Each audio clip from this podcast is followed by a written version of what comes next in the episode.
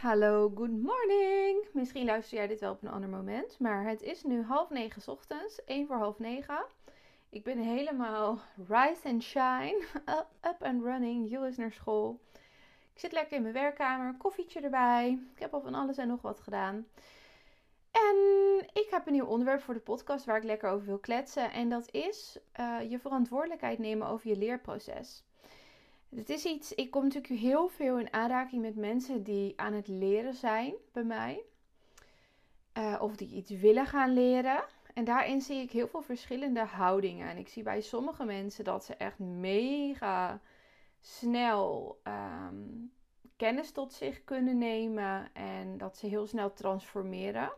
Bij andere mensen zie ik dat ze heel afwachtend kunnen zijn. En niet um, niet, niet gaan rollen, zeg maar. Niet, het balletje gaat niet rollen, ze komen niet echt in beweging. En dit vond ik weer een leuke om over te podcasten. En ik wil ook beginnen met een voorbeeldje. Ik had een tijd geleden een gesprek met iemand over een cursus die we allebei hadden gevolgd, jaren geleden. En toen zei ze: Ja, jij hebt toch ook die cursus van DD? Ik ga niet precies vertellen van waar dit over gaat, vind ik niet zo netjes. Maar die heeft toch ook die cursus bij die en die gevolgd? Ja. Nou, ik vond het echt helemaal uh, niks. Ik heb er echt helemaal niks aan gehad. Terwijl ik dus die cursus had gevolgd en echt zo ontzettend veel uit had gehaald. Echt bizar. Dus ik had echt heel veel belangrijke dingen uit die cursus gehaald die ik zelf weer kon gebruiken en waardoor ik zelf verder kon. Maar diegene zei dus van nee, ik heb daar helemaal niks aan gehad. En als ik dan, sorry, naar het werk van diegene keek, dan dacht ik, oh, maar je hebt ook echt allemaal dingen van die, die cursus die diegene aan je aanleert, helemaal niet toegepast. Dat zie ik helemaal niet terug in je werk. En in wat je maakt en in hoe je je presenteert en, en noem maar op. En toen dacht ik, huh, hoe kan dat eigenlijk nou? Dat is zo, zo interessant hoe um, de ene heel veel waarde uit iets kan halen en de ander um, helemaal niet. En nu kun je zeggen, oh, ik wist alles al, bijvoorbeeld van een cursus. Nou, dat vind ik zelf dus nooit erg. Ik weet van heel veel cursussen die ik volg, want ik volg echt wel lekker cursussen, vind ik heel leuk.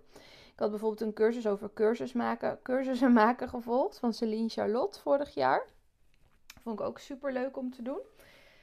En ja, ik wist inderdaad al de helft daarvan, want ik had al een cursus. Maar de andere helft, of 40 of 30 procent, misschien maar 20, wist ik nog niet. En door die cursus heb ik wel weer allerlei dingen kunnen toevoegen of kunnen stroomlijnen. En heb ik er toch heel erg veel waarde uit kunnen halen.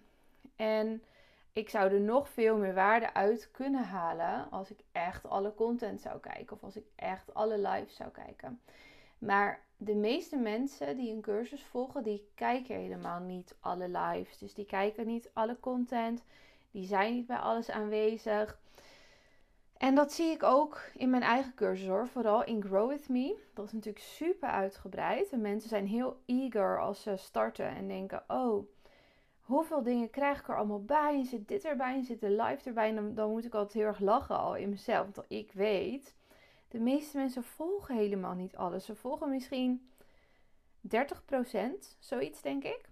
Dat doe ik zelf ook. Bij cursussen, ik haal er zelf dus gewoon uit wat ik interessant vind en waardoor ik heel snel kan transformeren. Dus ik ga nooit van A tot Z bekijken. Ik een cursus, nooit doe ik dat. Zo lees ik ook geen uh, boeken, ehm, wel natuurlijk romans, maar Ehm, meer van die how-to boeken lees ik echt niet op die manier. Ik ga zoeken naar wat ik interessant vind, wat ik nodig heb. En dat ga ik opzoeken en toepassen. En dan kan ik heel snel de sleuteltjes pakken en een transformatie starten bij mezelf. En dat doen mensen in mijn cursussen, doen dat veelal ook. Er zijn een paar uitzonderingen hoor, die kijken alles, want ik kan het namelijk zien wat iemand wel en niet bekijkt. En ja, ik vind het dus ook echt heel erg grappig dat mensen leggen ook een hele grote, bijvoorbeeld diegene die ik dus sprak, over die cursus waar zij bijna niks aan had gehad, zei ze, maar ook niks van had toegepast, kon ik zien. En ikzelf, die er echt heel veel waarde uit had gehaald.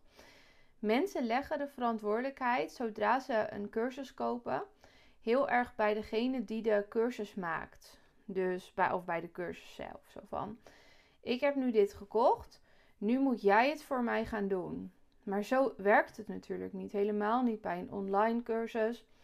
Ook niet bij een offline cursus trouwens. Je moet het echt zelf doen. Dus er worden je allerlei tools aangereikt, manieren, ehm, theorieën, modellen, um, inzichten en learnings die iemand zelf heeft doorgemaakt. Maar je moet vervolgens wel zelf daarmee aan de slag gaan en zelf regie nemen. Dit gaat daar ook weer over. Dit is echt mijn thema gewoon. De regie pakken en de focus. Maar regie en verantwoordelijkheid nemen over jouw leerproces. En zo is het ook met de kleinste dingen. Bijvoorbeeld, um, ik merk gewoon dat mensen ook heel druk zijn. Um, ook als ze dingen moeten voorbereiden, bijvoorbeeld. Uh, voor andere cursussen heb ik dat dan wel eens. Dat ik dan nog een live QA of zo heb. Dan moeten ze al iets hebben gedaan. En dan krijg ik soms dezelfde dag nog van: Oh, ik kon het niet zien, de theorie. Of ik kon er niet bij. Terwijl ze dan al twee weken of langer, of soms al maanden daarvoor toegang hebben gekregen. Maar ze, mensen zijn zo druk en vinden hun leerproces blijkbaar zo niet belangrijk. Echt super zonde is dat. Dat ze tot de dag zelf wachten en dan denken: Oh, dit had ik nog niet. Terwijl iemand die super eager is en het echt wil leren, die is er bijvoorbeeld al, die is al anderhalve maand aan het oefenen en kan echt super gerichte vragen stellen tijdens zo'n live moment. Dus ik vind dat dan zo'n gemiste kans. En ik vind dan ook soms wel echt zonde hoor van de content. Dan denk ik, oh, dit is zo jammer. Je hebt nu zoveel um, kansen om te transformeren. En um, ja, je laat heel veel liggen. En zo kun je dan dus niet alles halen uit zo'n live QA momentje. En ja, dit is gewoon iets wat ik, wat ik zie bij mensen in het leerproces. Ik maak natuurlijk die cursussen.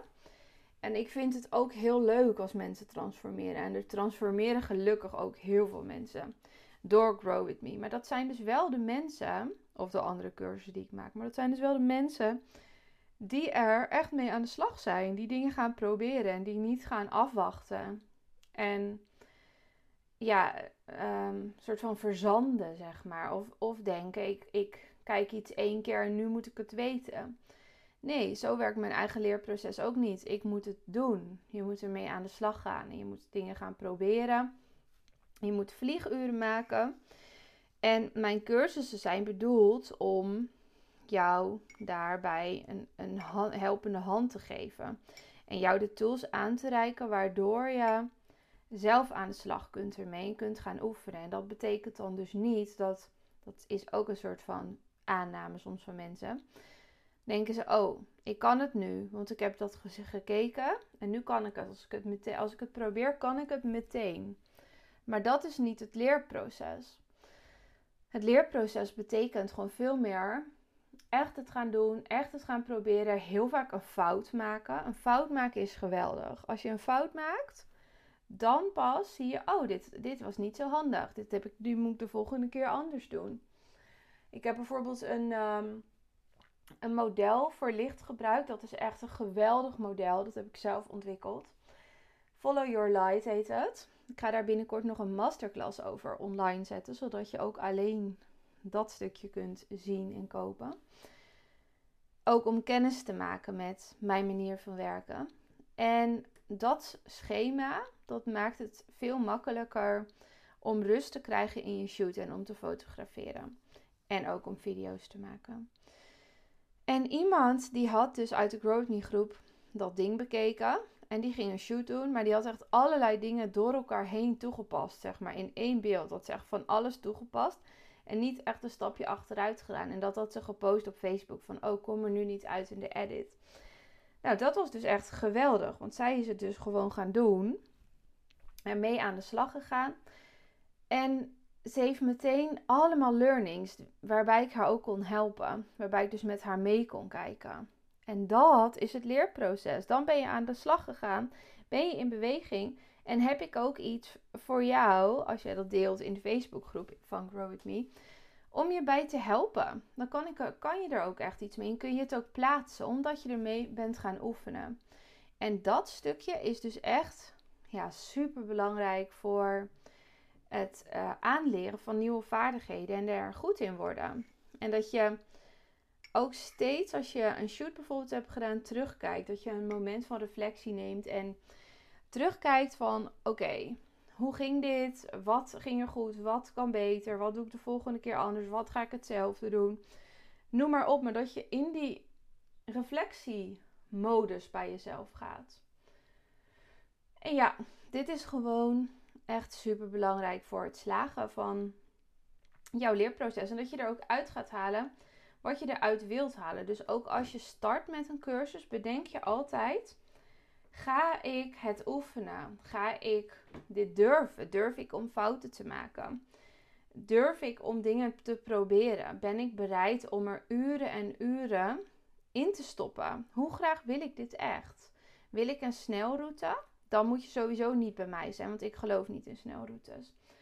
Maar wil jij lange termijn groei, wil je een transformatie en ben je bereid om daar zelf verantwoordelijkheid voor te pakken en er echt voor te gaan, dan mag je meedoen met een van mijn cursussen. Want dan word ik daar ook heel erg blij van, namelijk.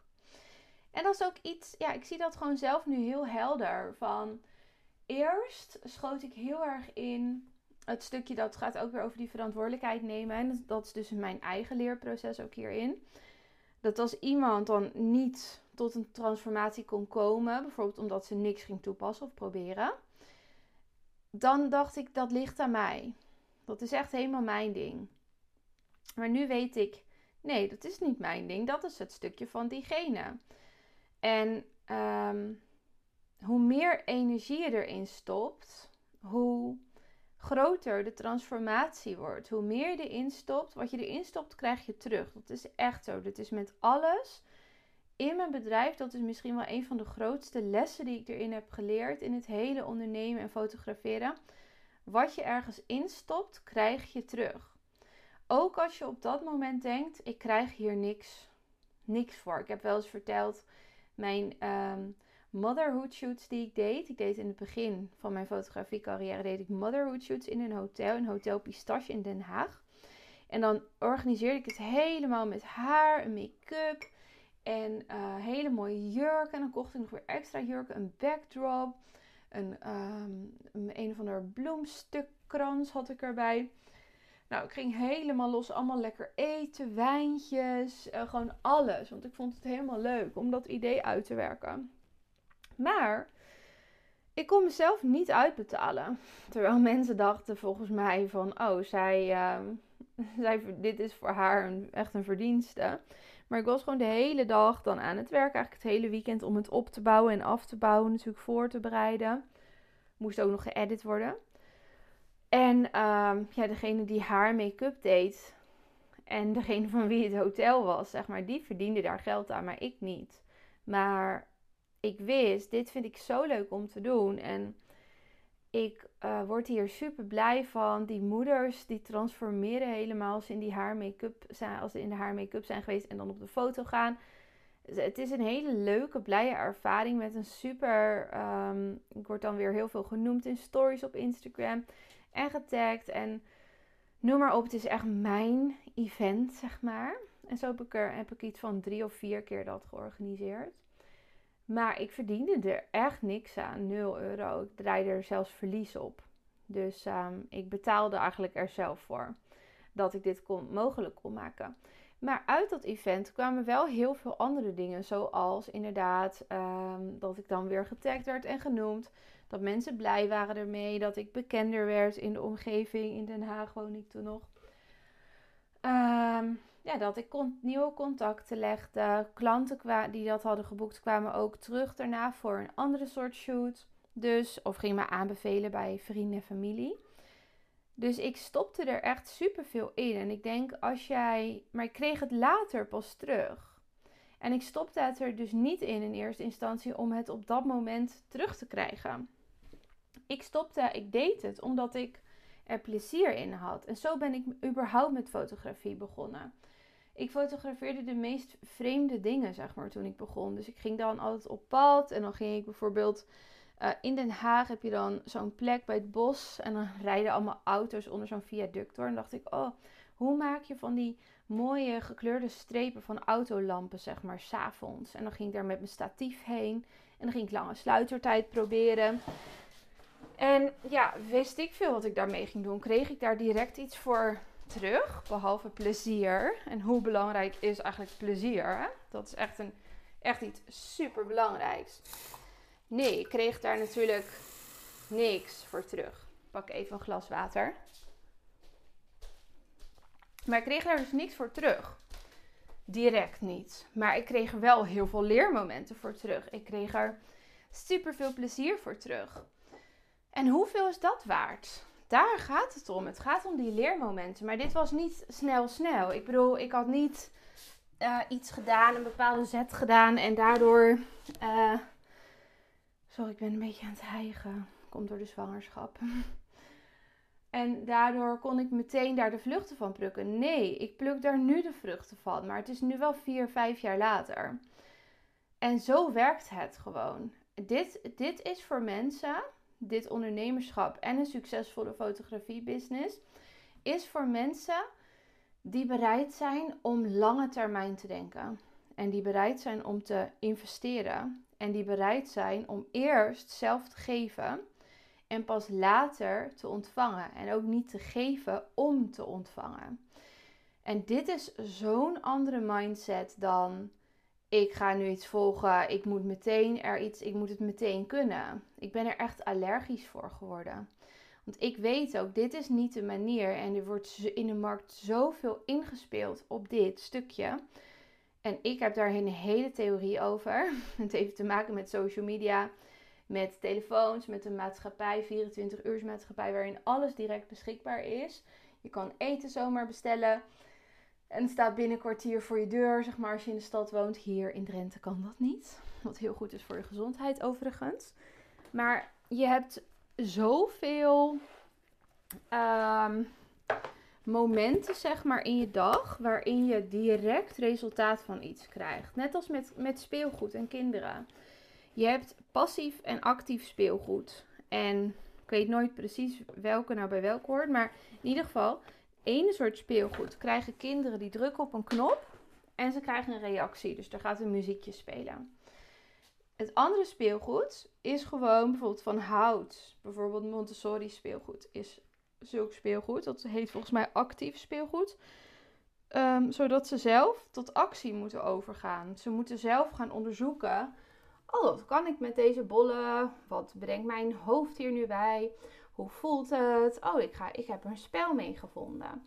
Ze moeten daar moeite voor doen en daardoor doorlopen ze dus allemaal leerprocessen. Terwijl als jij gewoon op een knopje drukt en er begint een muziekje met spelen, wat voor vaardigheden stimuleer je daarmee in het kind? En dit is precies mijn punt.